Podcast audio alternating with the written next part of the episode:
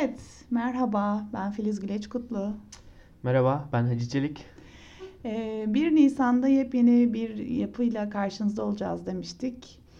Ve e, bugün, bugün 16 Nisan. Evet, 16 Nisan biraz çalıştık.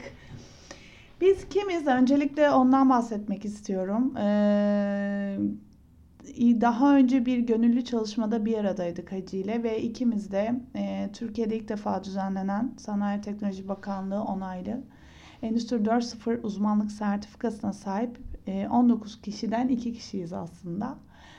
E, benim bir e, yaşam boyu öğrenme ile ilgili bir geçmiş deneyimlerim var. Yaklaşık e, 2005 yılından beri insan kaynakları alanında, 2009 yılından beri de beri de yaşam boyu öğrenme alanında aktif eğitmen olarak, eğitim koordinatörü olarak çalışıyorum ve bunun yanında bir de koçluk var. Endüstri 4.0 ile birlikte e, bu katıldığımız eğitim programı ile beraber bu almış olduğumuz uzmanlıkta bunca yıllık tecrübelerimiz ve bunca yıllık çalışmalarımızın tam olarak neye ihtiyaç duyduğunun karşılığı oldu bu sertifika programı. Ve e, asıl amacımız da sizleri bilgilendirmek. O yüzden Hacı ile bir araya geldik. Bu sertifika programını da beraber katıldık ve birlikte gönüllü ve e, profesyonel birçok iş Hı-hı. yaptık. E, o yüzden e, mutlaka Hacı sen de olmalısın ve bunu yine birlikte başarmalıyız dedim. O yüzden karşınızdayız. E, biraz da Hacı tanıtsın Tabii. kendisini. Ondan sonra biraz böyle beyin yakıcı konulara girmek istiyorum aslında. Evet ben de çok heyecanlıyım. E, yani iki hafta önce biz e, bu fikri ilk defa ses kaydına dönüştürdük ve 12 saniyelik bir kısa bir ses kaydı podcast oluşturduk. Şimdi bugün burada karşınızdayız. E, ben Ege Üniversitesi İktisat son sınıf öğrencisiyim. Filiz Hanım'la daha önce gönüllülük çalışmalarında beraber yer aldık. EGSM gönüllüsüydüm. LÖSEV gönüllüsüyüm hala. Onun dışında neler yapıyorum? Bu eğitimle beraber işte bu eğitimin sonunda sertifikalı 19 kişiden biriyim şu an Türkiye'de ve tek iktisatçıyım aslında. Evet. Bunun da heyecanı var üzerinde. Ee, bugün geldiğimiz noktada Endüstri 4.0'ın önemi gittikçe daha da anlaşılıyor. Yani e, önceleri bir e, çok fazla aslında şirketler çok dikkat etmiyorken aslında şu an herkes bu kayanın geldiğini, bu kayanın bir şekilde onlara çarpacağını ve bunun sonuçlarını bir şekilde e, kendilerini o sisteme entegre edemediği sürece katlanamayacaklarını e, görüyorlar, aynen, öngörüyorlar. Aynen. Çok heyecanlıyım. çok mutluyuz ayrıca burada olduğumuz için. Çok çok keyif alıyoruz. Hakikaten e, bir şeylerin farkına varmaya başladı herkes. Ve bunun adını tanımlayamadıklarını yani adını koyamadıklarını görüyoruz. E, uzun yıllar biz de ben açıkçası koçluk da yaptığım için orada iş adamlarıyla ya da yöneticilerle ya da kariyerinde ilerlemek insan isteyen insanlarla da koçluk yaptığımda ya burada bir şey var ama adını koyamıyoruz derler hep. Ve bunu bulmaya çalışırız aslında koçlukta. Bu Endüstri 4.0'da aldığımız eğitimle beraber yapmış olduğumuz araştırmalar ve uzmanlıklarımızla birçok şeyi fark ettik aslında. Burada ne oluyoru tanımlıyoruz değil mi Hacı? Yani biz e, demin de dediğiniz gibi biz de aslında ne oluyor noktasındaydık. Evet.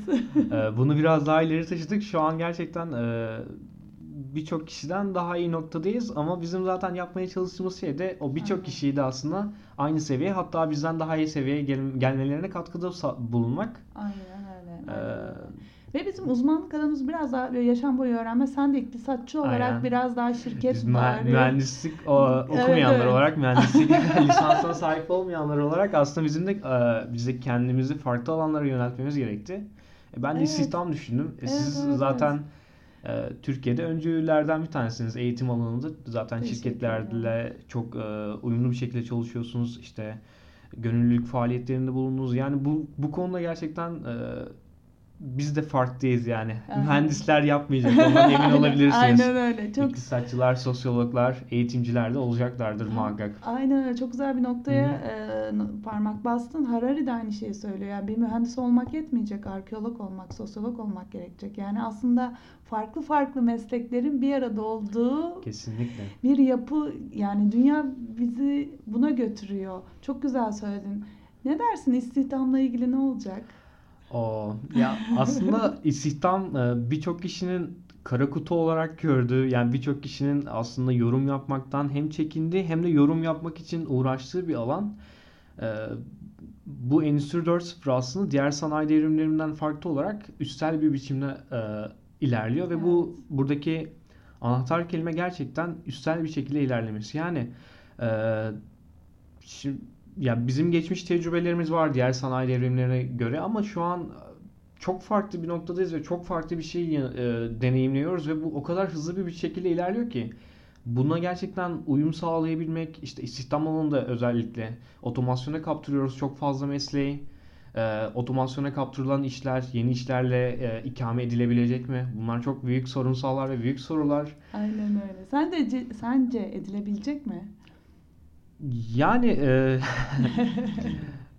ben aslında iyimserim, iyimser olmaya çalışıyorum bilmiyorum. E, yani geçmişteki bütün endüstri devrimlerinde tabii ki iş, e, işsizlikler oluştu. Örnek veriyorum işte e, Charlie Chaplin'in Modern Zamanlar adlı filminde aslında sanayi devriminde T modelin işte e, Fordist, Fordist üretim biçimini eleştirel bir filmdi o ve oradaki insanların işsiz kalacağını işte üretim bandında sürekli Charlie Chaplin karışarak göstermeye çalıştı ama sonuç olarak e, 20 şu an 21. yüzyıldayız. 21. yüzyılda en yüksek e, milli gelirlere ulaştığı ülkeler çok büyük üretimler yapıyor ve tarih boyunca ulaşabildiğimiz en üst noktadayız aslında. Dolayısıyla hı hı. E, bugün bunu tartışırken geçmiş deneyimlerimizden tabii ki faydalanacağız.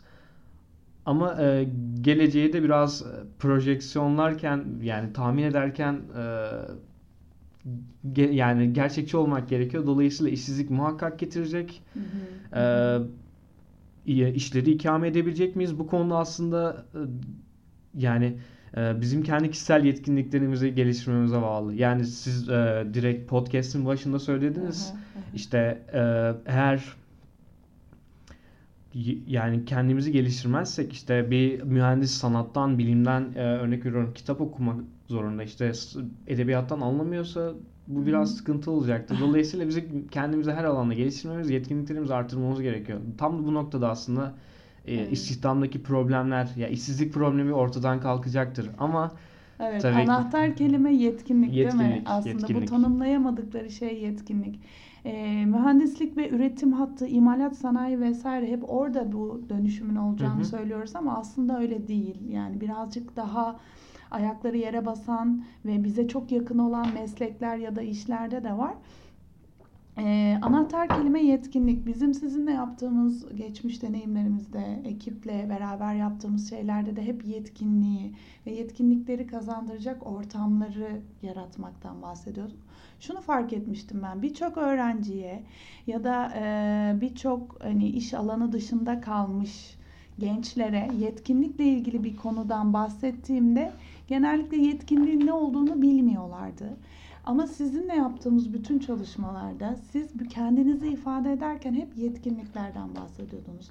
Ve şu an dördüncü sanayi devrimiyle beraber o karşımıza çıkan şeyin aslında hepsinin birer yetkinlik, meslekten de öte bir yetkinlik olduğunu görüyoruz. E, bu nedenle en başta aslında insanların, herkesin istihdam konusunda, meslek konusunda yetkinlikleri geliştirmeleri gerekiyor Aynen ve bunlar öyle. da çok karışık. Yazarlık bile çok insana özgü bir şey değil mi?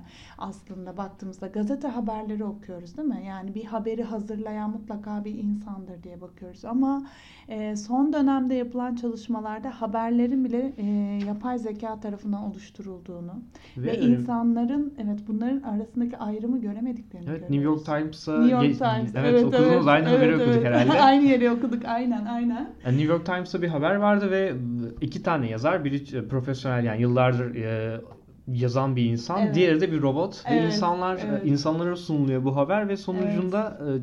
insanlar arasında ayrım yapamıyor. Yani evet. bir robotun birkaç senelik aslında bu burada evet. kilit nokta bu. Yılların birikimi olan kümülatif bir ilerleme sağlayan bir Aynen. yazardan bahsediyor. Bahsetmiyoruz. Tamamen bir robottan, bir yapay zekadan bahsediyoruz ve ayırt edilemeyecek derecede güzel işler çıkarttı bu robot. Aynen öyle. Ve dolayısıyla Aynen aslında bizim öyle. e, kaya geliyor dediğimiz kaya geliyor gerçekten ve çok hızlı biçimde geliyor.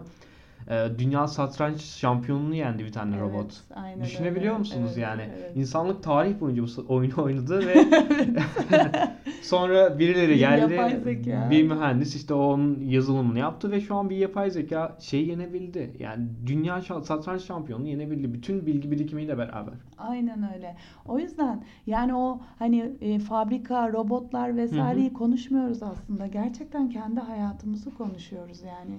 Bize çok yakın her türlü mesleği konuşuyor olmamız gerekiyor. Yani ve burada en zor şey e, yetkinlik tanımlarken işte mesela bu karmaşık problemleri Hı hı. çözmek falan diyoruz. Biraz uzak mı kalıyor acaba Hacı? Yani bunları hep anlatıyoruz. E, şirketlere eğitimlerde de anlatıyoruz. Yetkinlikleriniz nelerdir dediğimizde çok kendiliğinden bir şey çıkmıyor. Hazır yetkinlik şablonları gösterip Aa, evet ben bunu yapıyorum diyor. Karmaşık problemleri çözüyorum diyor mesela. Neyi çözdün dediğimizde çok fazla örneklendiremiyor. Ama karmaşık problemi çözmek sence nedir bi- bizi bekleyen bu yapıda? Yani e, robotlar evet hayatımızı birçok alanda e, şey yapacaklar, bizim işlerimizi elimizden alacaklar gibi gözüküyor. E, nitekim karmaşık problem çözme gibi insan yeteneğine e, ait olan aslında robotların çok fazla yapamayacağı şeyi yine biz yapacağız. Karmaşık problem çözme nedir diye sorduğunuzda ise e, bunu benim tanımlamam Şöyle. o- Yani- evet evet. Yani şunun için söylüyorum. O kadar çok veri var ki. Hı hı, O hı kadar çok problem var ki. Kar, eskiden yer alan, eskiden söz ettiğimiz karmaşık problemler neydi? İş yerinde herhangi bir yapıda e, farklı iki de, e, departmanın birbiriyle işte bir sorun çıkması ve bunu çözmekti. Hı hı. E şimdi her şey online. E, siz e, yurt dışındaki bir müşteriye de bağlısınız. Ya da yapmış olduğum işte yurt dışındaki müşteriler de var. Hı hı. E, tedarik zincirine malı satın aldığın müşteriler var. Bunların hepsi birbirine bağlı. Yani senin müşterin tedarik zincirinin e, deposundaki ürünün ne olduğunu biliyor. Ve sen müşteriye o malı satmadığın zaman tedariğini yapan kişi de depoda duruyor diye sana cevap verebiliyor. İşte tüm bu süreçlere hakim olmak, bunları yönetebilmek karmaşık problemleri çözmeyi. Ama eskiden öyle değildi. 5 tane satacaksın derlerdi. 7 tane sattığında e, ya da 3 tane sattığında orada bir problem vardı. Onu hemen çözüp ne olduğunu bulup kolayca ilerleyebiliyordun. Benim aklıma gelen örnekler bunlar. Ama şu an online çözümler, online sistemler, bulut sistemleri yani bulut sistemleri içerisindeki bir bilgiyi bir mühendis nasıl çekecek? Aynen öyle. Çünkü e, şöyle bir şey var. E, İnsanlık tarihi boyunca üretilen toplam data 2015 yılında ikiye katlandı. Bir yıl içerisinde toplam insanlık tarihi boyunca üretilen data ikiye katlandı ve bu daha da artıyor. Şu an ona katlanmış olabilir. Biz şu an konuşurken muhtemelen Evet. katlanıyordur çünkü e, yine başa geleceğiz. Üstel bir hızla ilerliyor ve e, bu kadar data, bu kadar yani büyük veri dediğimiz olayı aslında çözümlemek, onun içerisindeki bize uygun olan veriyi bulabilmek ve bunu analiz edebilmek karmaşık problem çözme yeteneğiydi yine sizin dediğiniz gibi. Evet. E, ama biz umutluyuz.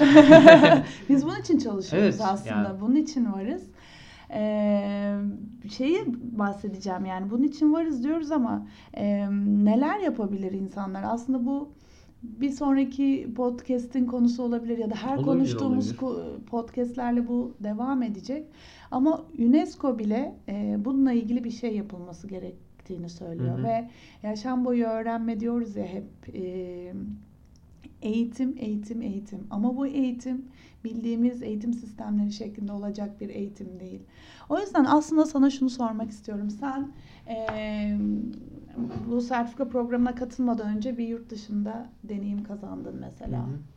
Orada bir şeyleri gözlemledin. Uluslararası insanlarla bir arada oldun.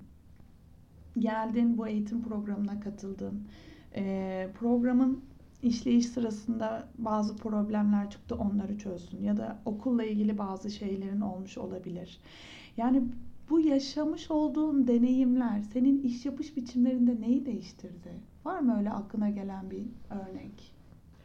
Ee, yani dediğiniz gibi ben bir sene e, Almanya'da eğitim gördüm. Dolayısıyla bunun benim e, davranışlarımda çok fazla etkisi oldu muhakkak. Hı hı. Ee, eskiden adalet problemi vardı bende. Çok fazla iş yapmazdım yani bir şeyin nasıl yapılacağını bilirdim. Onu yapabilecek güçte olduğumu da bilirdim ama bunu yapmazdım değişik bir biçimde. Ama şu an e, oradan gözlemlediğim kadarıyla insanlar bir şeyleri elde etmek için, çalışmak zorunda ve mesela e, yaşının ne olduğu falan önemli değil. 65 yaşında da olsan, 80 yaşında da olsan ya da 18 yaşında da olsan okumak zorundasın. Kendi yetkinlerini, yeteneklerini artırmak zorundasın. Aynen. Ben bir iktisatçı olarak yazılımı öğrenmek zorundayım.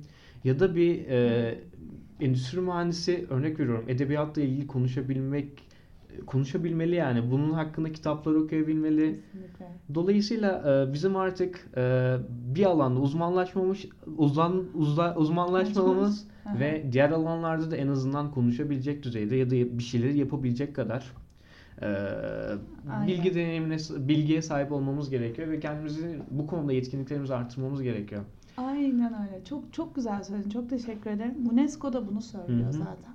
Yaşam boyu öğrenme dediğimiz her yaptığımız, her konuştuğumuz, her duyduğumuz yani bu podcast bile mesela eee, şu an burada bir fikir paylaşıyoruz, deneyimlerimizi paylaşıyoruz. Bunu dinleyen biri yarın öbür gün kafasında başka bir ışık yanacak ve bu bilgisini alıp başka bir yerde kullanıyor olacak. Mesleğinde belki kullanıyor olacak. O nedenle yaşam boyu öğrenme her an her yerde, her şekilde öğrenme ve kişinin kendi sorumluluğunda olan bir şey. Aslında bunu vurgulamaya çalışıyoruz ve bizim gelecekte bireysel olarak da, şirketsel olarak da e, bu yapılan e, ya bu kaya geliyor dedin ya bu kayanın altında kalmamak için yapmamız gereken şey bu bireysel ve şirketsel öğrenme teknik ve yöntemlerimizi bulmak diye düşünüyorum aslında.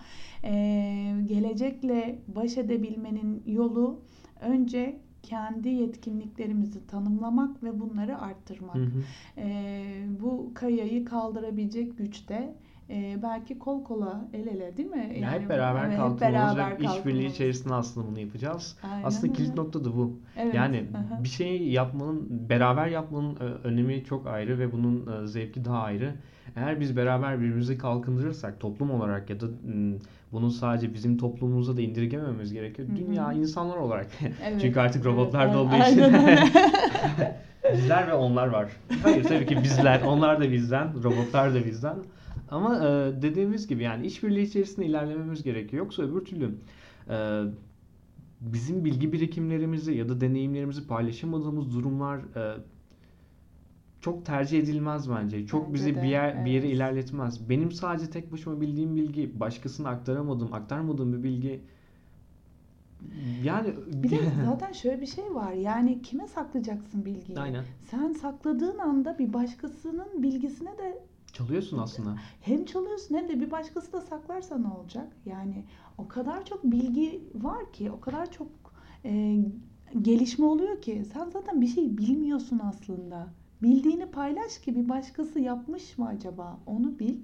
Ve Aynen her öyle. gün cahil uyanıyoruz. Yani teknoloji o kadar gelişiyor ki eee, yani inanılmaz videolar izliyoruz Eee, internetten eee, Yani ya direkt fabrika ziyaretlerinde bile bulunduk Bunu ve ne- evet evet bunu deneyimledik. Evet, Yani evet. ve bunu ben mesela çevremde paylaştım. Böyle Aynen böyle öyle. gelişmeler yaşanıyor ve bizim buna hazırlıklı olmamız gerekiyor. Kesinlikle. Eee, t- Sanayi Bakan Teknoloji Bakanlığı'nın yayınladığı yol haritasında Hı hı, da dijital dij- dönüş dijital Türkiye yol haritası. Türk, evet Türkiye'nin dijital dönüşüm yol haritası diye geçiyor galiba. Öyle bir şey işte. Burada hemen- Bozmayalım birbirimizi. Aynen. Ee, orada şunu söylüyor. Ee, en önemli şey farkındalık yaratmak ve tecrübe ve deneyimleri paylaşmak. O yüzden aslında Türkiye'de de bir birlikte sempozyum yapalım, deneyimleri paylaşalım, fuarlar yapalım gibi bir anlayış var. O yüzden bireysel olarak sahip olduğumuz bir şeyi e, saklamak, gizlemek hiçbir işe yaramayacak. Paylaştığımız anda artacak. Hı hı. Ve her gün cahil uyandığımız için aslında bir şeyleri başkalarının paylaşımlarından alıyor olmamız gerekiyor. Bu podcast'i çekmemizin de Nedeni e, bu aslında. nedeni bu. Yani burada bir şeyleri başarmış insanlar var. Bakın bunları nasıl başarmışlar? Gitmişler daha fazla öğren- Sen bir iktisatçı olarak Endüstri 4.0 uzmanlık sertifikasına mesela neden geldin? Yani çünkü burada Çünkü- aslında çok Evet, net yani. Çok net. Bunu aynen. öğrenmek zorundayım. Benim Aynen öyle. e, Endüstri 4.0 ve bileşenlerini öğrenmeden e, gelecek dünyasında var olmam mümkün değil. Kesinlikle. O yüzden biz bunları öğrendik ve şimdi podcast aracılığıyla, teknoloji aracılığıyla bunları Aslında yine başkalarına- geldiğimiz noktada yine Aynen. teknolojiyi kullanarak aynen öyle. aslında bizim başkalarına- yaptığımız e, yani en azından siz, benim yaptığım ilk teknolojik iş. Siz daha önce online eğitimlerle vesaire Vermiş, aslında teknolojiyi evet, etkin bir şekilde evet. kullanıyorsunuz. Ben de bundan sonra tabii ki kullanacağım. Hı hı, hı E, konuyu bitirmeden, bu konuyu bitirmeden yine bilgi paylaşımının önemini şöyle anlatacağım. Hı hı. E, Silikon Vadisi'nden işte TÜSİAD'ın Silikon Vadisi sorumlusuyla geçenlerde bir Aa, e, sempozyumuna katılma şansım oldu. Orada mühendisler, yazılımcılar birbirleriyle oturup yemek aralarında oturup konuşup bilgilerini paylaşırmış. Yani aslında bizim benim en azından beklentim şeydi işte herkes saklıyor bilgisini, bilgi hırsızları var, bilgi ajanları var vesaire diye. Ama orada öyle bir network var ki Evet. bilgilerini paylaşıyorlar. Oturup yemek yerken birbirlerinin projeleri hakkında ve Silikon Vadisi'nin önemini Evet. tartışmak Evet. olanaksız yani. Çok doğru söylüyorsun. Dolayısıyla Silikon şey. Vadisi'nde bu yapılıyorsa bizim de en azından birbirimizin hayatına dokunabilmesi gerekiyor. Kesinlikle. Birbirimize yardımcı olmamız gerekiyor bu konuda. Aynen. Çıkış noktası zaten Silikon Vadisi Aynen. bunlar biliyorsun. Bu bütün şirketleri sarsan şeyler internette doğan Amazon, Google Evet, vesaire evet. gibi şeyler 20 sene önce Amazon var mıydı? yoktu. Hiç duymamıştık. Peki şu an? şu an. Yani daha birçok şey. Ya e, Facebook, sen Twitter. bilir misin mesela Nokia telefon vardı. Senin yaşın tutar mı onda? Benim işim tutuyor. Tutuyor mu? Motorola'yı da hatırlıyorum ben ama. Şu an esamesi okunmuyor. Aynen yani. öyle. Ve e, röportaj yapmışlar Nokia'nın e, CEO'suyla galiba. Ne olduğunu anlamadım demiş. E, Ya e, hızı yani- aslında buradan Evet. gözlemleyebiliyoruz. Aynen. O kadar Aynen. ya ben şeyi hatırlamıyorum mesela artık. En son ne zaman gazete aldım ben? Hmm. Ben lisedeyken falan e, lisede dedim de 5 sene önce lisedeydim. E, işte kupon falan toplardım bir şeyler elde edebilmek için. İşte sözlük olurdu, başka bir şey olurdu. Bir şekilde hı. kuponla falan bir şeyler alırım ve gazete alırdık. Biz sürekli babam falan Her alırdı. sabah alırdım. Ama şu an Gerek yok. ben düşün yani ne zaman aldığımı hatırlamıyorum en son. Evet şu an zaten Ya okunacak. hayat Türkiye'de de okunacak pek bir gazete kalmadı Yani, e, biliyorsun ama o tehlikeli- konuyu geçelim. evet. ama dijital ortamlardan takip ediyoruz her Evet, şeyi. evet. Ve Yani- ilgilendiğimiz konuyla ilgili bize uyarı geliyor mesela. aynen öyle. Ee, yani ben genellikle mesela Google'ı kullanıyorum. Ee, herhangi bir konuyla ilgili araştırma yapıyorsam e, Google Alert diye bir şey var, uygulama var biliyorsun. Oraya anahtar kelimeleri yazıyorsun. Direkt Bütün çıkıyor. dünyada onunla ilgili bir haber varsa direkt senin mail kutuna düşüyor. Ee, inanılmaz bir teknoloji var yani haber kanallarında da e, kolay application'ları telefonuna yükleyip e, onlardan da bilgiler alabiliyorsun falan. Hani bu noktada hakikaten hala gidip gazete almak nostalji olabilir belki de. Yani hani Yani e, o belki işte Belki. o kağıda dokunabilme hissi için Hissi alınabilir belki, ama evet. dediğiniz gibi çok haklısınız. Bakalım evet süper.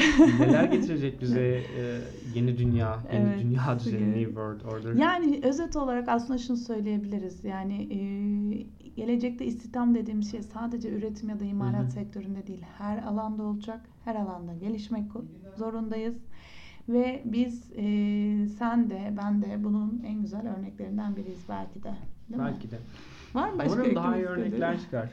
Mutlaka Yani mutlaka e, vardır. bugün genel olarak çerçeve çizmeye çalıştık tabii ki ama bunu ileride çokça konuşacağız. İstihdamla ilgili çok konuşulacak şeyler var. Evet. Yani e, aslında en kilit noktalardan bir tanesi. Şimdi biz mesleklerimizi kaptıracak mıyız? Evet. Acaba Ve kaptırdığımız mesleklere karşılık olarak yeni meslekler üretebilecek mi? Ve bu, biz bu mesleklerde çalışabilecek miyiz? üretmek Mesela- için ne yapmamız gerekecek mesela? Mesela. Bizi takip ederseniz belki o konularla ilgili de bilgiler vermiş oluruz değil mi Hacı? Aynen öyle. Ya muhakkak iş gücü kullanımından tasarruf etme yoluna gidecekler ve dolayısıyla işte eskiden bildiğimiz işte Asya piyasasının işte ucuz iş gücü olduğu için e, büyük firmaların, büyük şirketlerin, ulusal çapta, uluslararası çapta şirketlerin işte oraya iş gücü, sırf iş gücü ucuz diye, emek ucuz diye orada fabrikalarını kurmaları Hı hı. ve şu an aslında teknolojinin getirdiği imkanlarla beraber işte yapay zeka ile ya da başka faktörlerle beraber e, yani tekrar ana vatanlarına döndü, dönüyor e, birçok fabrika Aynen ve öyle, Aynen öyle. birçok insan işsiz kalacaktır muhakkak ve dolayısıyla bizim e, A'dan Z'ye toplumumuzun her kesiminin ve diğer insanların yetkinliklerini geliştirmedikleri sürece e, Çok yani haklısın. yeni dünyada çok fazla yeri yok maalesef öyle ama bu da büyük bir fırsat. Bizim e, bilgi birikimimizin artması da insanlık için çok önemli olacaktır. Evet, evet. Diğer açıdan işte tabii ki teknolojinin bu kadar entegre bir şekilde kullanılması sağlıkta, işte hukukta birçok alanda kullanılması çok büyük artı olacaktır. Ee, Bugün çaresini bilmediğimiz birçok birçok hastalık belki de Evet. çözülecek. Yani Evet. biz e, olumlu tarafından da bakmaya çalışıyoruz. Açıkçası ben daha fazla olumlu tarafından bak bakmaya çalışıyorum. Dolayısıyla e, süreci değerlendirirken çok fazla faktör e, var ve dolayısıyla yani e, işsiz kalacağız, aman kaçalım falan gibi bir telaşa gerek yok. Evet. İşsiz kalmayacağız. Yani yani yetkinliklerimizi Dönüşeceğiz. geliş- dönüşeceğiz. aslında. Ve Evet. Harari şey diyor. İşte e, normal bir insan artık ömrü boyunca tek bir meslek yapmayacak. Olmayacak. Aynen öyle. Biz bunları biliyor musun? Y kuşağı, Z kuşağını hep anlatırken Evet, söylerdik. Y kuşağı benim. Yöneticiler. Aynen öyle. Ben de Y kuşağındayım aslında da arada kalmış kuşak diyorlar bize yani. 82 doğumluyum ben. 80 ile 82 arasının biraz arada kalmış Evet. X ile Y arasındaki özellikli farklarından bahsediyorlar ama Y kuşağını anlatırken biz onu, hep onu söylüyorduk hani çok farklı mesleklerde çalışacaklar, eee, farklı hayalleri olacak. Bakın Y kuşağı için şunları yapın, bunları yapın. Al işte şimdi Z geldik. kuşağı ve Yani e, şimdi neden olduğunu biraz daha şirketler fark etmeye başladılar yani çünkü meslekler değişiyor, yapılan işler değişiyor, yetkinlikler değişiyor ve yani CEO dediğimiz yöneticiler bile işsiz kalacaklar. E, yeri geldiğinde mühendisler, doktorlar işsiz kalacaklar. Yani Aynen, ve aynen başka öyle. bir şey yapmak zorunda kalacaklar ve e, meslek değiştirecekler. Yani bu Y kuşağının özellikleri dediğimiz şeyler çok da uzak değildi aslında. Şu an yaşadığımız şeyler. 2019 yılındayız. Ya bence e, 2019 yılını 2015 yılına bile kıyaslarsak aslında Evet. çok fazla fark var. E, Evet. Ben çok kısa bir deneyimimden bahsedeceğim daha doğrusu. İki gün önce işte e, bir internet sunucusuna işte kayıt olmak için bir şeyler dolduruyordum sonra vazgeçtim. Formu doldururken vazgeçtim. Beni bir gün sonra aradılar. Dediler ki işte Hacı Bey e, siz böyle böyle bir kayıt yapmak istemişsiniz. Neden vazgeçtiniz? İşte vazgeçmeyelim biz size bir ay ücretsiz internet verelim vesaire vesaire. Vay. Ve beni e, 10 dakika içerisinde hem de kütüphanede ikna ettiler ve bana onu sattılar. Dolayısıyla bizim e, yani bilginin ne kadar farklı kullanılabileceğini, burada da- Evet. data analizleri Evet. yani verim veri analizleri ne kadar büyük işler yapabileceğini gösterdiler. Ben tamamen ziyaret et, ziyaret ettiğim bir siteden de aslında sonra Oo, arayabiliyorlar. Evet evet süper bir şey bu. Çok çok doğru söylüyorsun. ya Bir bazıları bunu korkut- evet, evet. korkutucu olarak görüyor ama e, yani Ee, Ya yok. bu gelecek bu. Korkmaya gerek Gelecek yok. bu, Nasıl aynen mücadele öyle. edeceğimizi belki. İşte bir kaya geliyor aman kaçalım falan değil. Yani o kayaya hazırlayacaksın kendini Aynen ve öyle. kendini e, kendi imkan ve ölçülerin yani kabiliyetin gereği yani yapabildiğin kadarıyla hazırlayabileceksin. Aynen. Sonuç Dolayısıyla olarak yine senin e, kendi kararın var değil mi? Hı hı. Sen kendi kararınla seni aradılar. Tamam senin verilerini analiz ettiler. Seninle konuştular. ben hayran kaldım biliyor musunuz? Yani e, operatörün ismini söylemeyeceğim. Aslında çok da mm, iyi bir operatör de değildi yani. Ben e, aslında dedim ki yani böyle bir şirket, böyle çapta bir şirket küçümsemek açısından söylemiyorum ama imkan ve kabiliyetleri açısından e, söylüyorum. Böyle küçük çapta bir şirket nasıl bunu yapabiliyor? Bravo. Ve bunu yapabiliyorsa demek ki herkes yapabilir. Yapabilir. Dolayısıyla Aynen. yapmamız gerekiyor, kendimizi geliştirmemiz gerekiyor, kodlama öğrenmemiz gerekiyor. İktisatçılar ya da işletmeciler ya da edebiyatçılar olarak yani bu fark etmiyor artık. Evet. Çünkü kodlama 5 yaşında öğreniliyor artık şu anda Evet. okullara geliyor Evet. biliyorsun ya. Kesinlikle. Ya o zaman bu hakikaten e, 4. sanayi devrimi yani Endüstri 4.0'ın e, bileşenlerini mi acaba e, konuşsak? Yani bu olabilir. mesela bu data analizi ne kadar hayatımıza e, dönüşmüş bir şey bu vermiş olduğun örnek.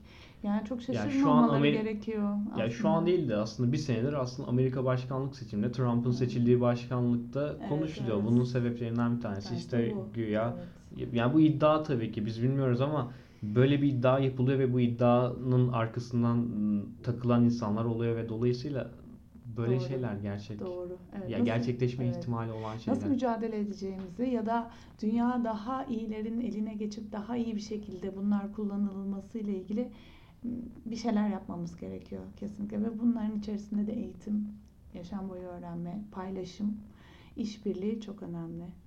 Yaratıcılık hakkında ne düşünüyorsunuz? Mesela e, Future of Jobs raporu işte Aha. Dünya Ekonomik Forumu'nun yayınladığı raporda işte Top 10 Skills'e en iyi 10 yetkinlikte 3. sırada yaratıcılık var. Eskiden yaratıcılık bu kadar önemli değildi aslında. Evet. Duygusal zeka, yaratıcılık, Evet, karmaşık evet. problem çözebilme. Hacı o kadar seviniyorum ki çünkü ben hep bunları anlatmaya çalışıyordum ama bir şekilde dilimiz dönmüyordu. Yok canım falan diyordu. Şimdi o kadar içine düştük ki o yüzden çok mutluyum. Ee, Bir podcast dinlemiştim ve okul yapmış olduğum okumalar vesaire falan ya insan zekasının e, henüz yapay zekalarla çözülemeyeceğine dair Hı hı. hakikaten ya insanın yaratıcılığını şu an sahip olmuş bir yapay zekadan henüz bahsetmiyorlar. Yani Hı hı. yaratıcılık şöyle bir şey. Birçok seçenek arasından yani 10 tane seçenek arasından 11. seçeneği ortaya çıkaran bir yapay zeka yok ama insan bunu hala yapabiliyor. Yani eğer siz bir makineye e, 10 tane seçenek verirseniz 10 seçenek arasından bir şey buluyor. 11.yi çok çıkartamıyor. Machine learning var yani aslında Tabii, öğrenme, öğrenmesi diye bir şey var gidiyor ama insan yaratıcılığı gibi bir şey değil bu. Yani insanın varoluşundan bugüne kadar gelen şu amigdala dediğimiz Hı hı. ona yüklü olan o bilgilerle o kadar milyar yıllık bilgilerle biz o kadar farklı şeyler yapabiliyoruz ki insan olarak. O yüzden insan yaratıcılığının hala önüne bir şey geçebileceğini düşünmüyorum. Yani bir sanat e, bütün dünyayı yönetmek için çok önemli bir kanal diye düşünüyorum ben.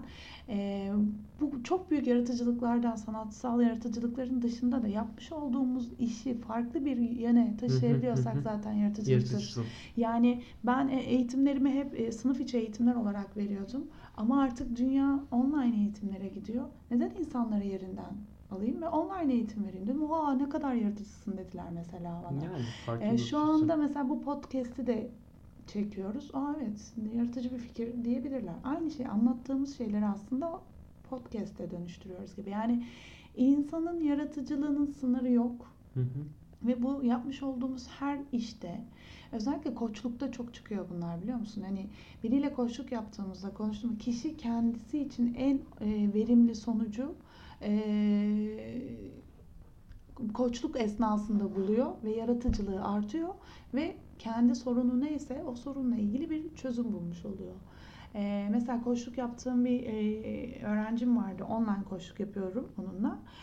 E, kulakları çınlasın şey dedi. e, ben kütüphanede çalışmalıyım dedi. Yani çalışamıyorum evde falan. Kendi kendine söylüyorum. Hı hı. Ne yapacaksın? Kütüphaneye gideceğim falan. Bir sonraki koçluk görüşmemizde e, şunu söylemişti. E, kütüphaneye gitme fikri çok güzel bir fikirdi. Bütün derslerinden geçtim. Benim için inanılmaz bir e, yöntem oldu dedi. Yani Yöntemi buldum. Yöntemi buldum dedi. Yani yara- bu insana özgü bir şey. Ee, insanın yapabileceği bir şey sadece. O yüzden yaratıcılıkla ilgili yani el becerilerimizle ilgili yaratıcılık olabilir, zihinsel çalışmalarla ilgili yaratıcılık olabilir. Mutlaka bu yetkinliklerimizi geliştirmemiz lazım ama ben bunun altında yine çok okumanın, çok gezmenin, çok yaşamanın, çok deneyimlemenin olduğunu düşünüyorum. Kesinlikle katılıyorum bu konuda size. Evet, sen ne düşünüyorsun? Ya ben e, söyleyeceğinize ek hiçbir şey söyleyemem yani baştan sona katılıyorum aslında. Yaratıcılık e, çok önemli bir meşakkat ve bu bunu yapabilmek gerçekten insana özgü. İnsan yapabiliyor İnsan bunu. yapabiliyor. Bu özelliğimizden vazgeçmemeliyiz. Ve dolayısıyla yani işte 15 sene önce yaratıcılık tabii ki bu kadar önemli değildi ama şu an bu önemli ve insana özgü olan bir şey önemli olmaya başladığı zaman zaten insana iç kapıları açacak. İstihdamda da yine böyle olacak. Aynen. Yaratıcı mısın? Bu seni aslında diğerlerinden öne çıkartıcı. Yani bunun, bunun nasıl ölçüleceği de tabii biraz yok şu an. hmm, e, açık olmayan yani şu an için kapalı bir alan ama sonuç Çıkacak, olarak yaratıcılık. Evet, tabii yani evet. insanlık ilerleyecek. Dolayısıyla bunların birçoğuna çözüm e, getireceğiz. Hangisinin nasıl ölçüldüğünü işte duygusal zeka nedir? Duygusal zekanın e, bir insanda olup olmadığını nasıl anlarız vesaire vesaire. Bunlar tabii ki çözümlenecek. Çok konuşacağız daha ya. Daha Çok, çok, konumuz var. konuşacağız. Evet. Harari konuşmak istiyoruz biz bugün. Evet. Harari'nin evet. 21. yüzyıl için 21 ders kitabı muazzam bir kitap. Herkese Tavsiye ediyoruz. tavsiye ediyoruz. Evet. Aa, ne kadar 32 dakika falan 35 dakikaya yaklaştık. Evet bu e, daha çok konuşacağız. Birçok e, podcastlerimiz olacak. Bu ilkiydi. O yüzden e, lütfen bize geri bildirimlerle ulaşın yani bize bir şekilde. Sosyal medya hesaplarımızdan olabilir, e, maillerimizden olabilir. Web sayfamız www.resikills.training e, Oraya da ulaşabilirsiniz. Sosyal medyalarımızdan da ulaşabilirsiniz. E, sorularınız olursa onları da konuşabiliriz. Merak ettiklerinizi sorabilirsiniz. Ya biz aslında her teklifi açığız. Evet, beraber evet. dedik ki beraber ilerleyeceğiz. Evet. Sizin tavsiyelerinizle, sizin önerilerinizle beraber bir şeyler Merak yapacağız. Umarım, ettiklerinizle, umarım güzel aynen. şeyler yaparız. Farklı konukları alacağız. Bu da çok Evet. önemli. Çok farklı sektörlerden farklı insanlar olacak. e, olacaklar ileride bizimle. Okey. Daha da güzel olacak, Olacak. diye Aynen. biz umutluyuz. Umutluyuz. Aynen. Görüşmek üzere. Görüşmek üzere. Kendinize çok iyi bakın. Bay bay.